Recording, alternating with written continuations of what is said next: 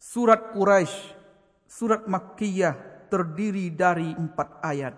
Bismillahirrahmanirrahim.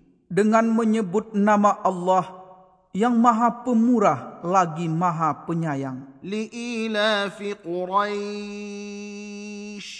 Karena kebiasaan orang-orang Quraisy. إيلافهم رحلة الشتاء والصيف yaitu kebiasaan mereka bepergian pada musim dingin dan musim panas.